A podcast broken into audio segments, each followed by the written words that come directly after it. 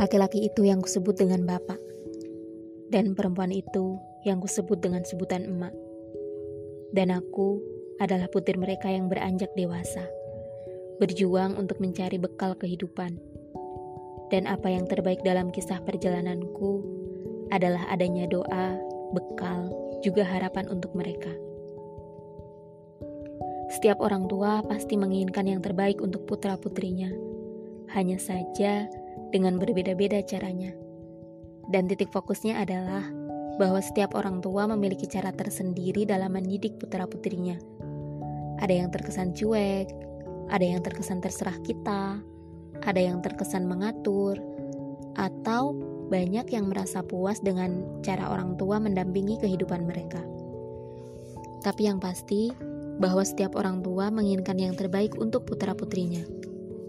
Dan aku sendiri kalau ditanya tentang orang tua adalah cerita yang paling membanggakan, cerita yang paling membahagiakan. Kasih orang tuaku berwujud dalam perjuangan untuk memenuhi segala kebutuhanku, dan aku tak bisa menuntut. Bahkan sebelum aku meminta, mereka pasti sudah paham apa yang aku butuhkan. Jikapun belum kudapatkan, pasti karena aku yang diam ataupun sedang mereka usahakan. Dua malaikat surga. Mereka adalah dua malaikat surgaku. Yang pada pundak mereka, yang pada setiap pikiran mereka adalah tentang putra-putrinya. Dan aku adalah bagaimana aku menyungguhkanku, melakukan yang terbaik dalam setiap proses kehidupanku. Meski Memang tak banyak cerita ataupun waktu untuk aku bercerita kepada mereka karena jarak.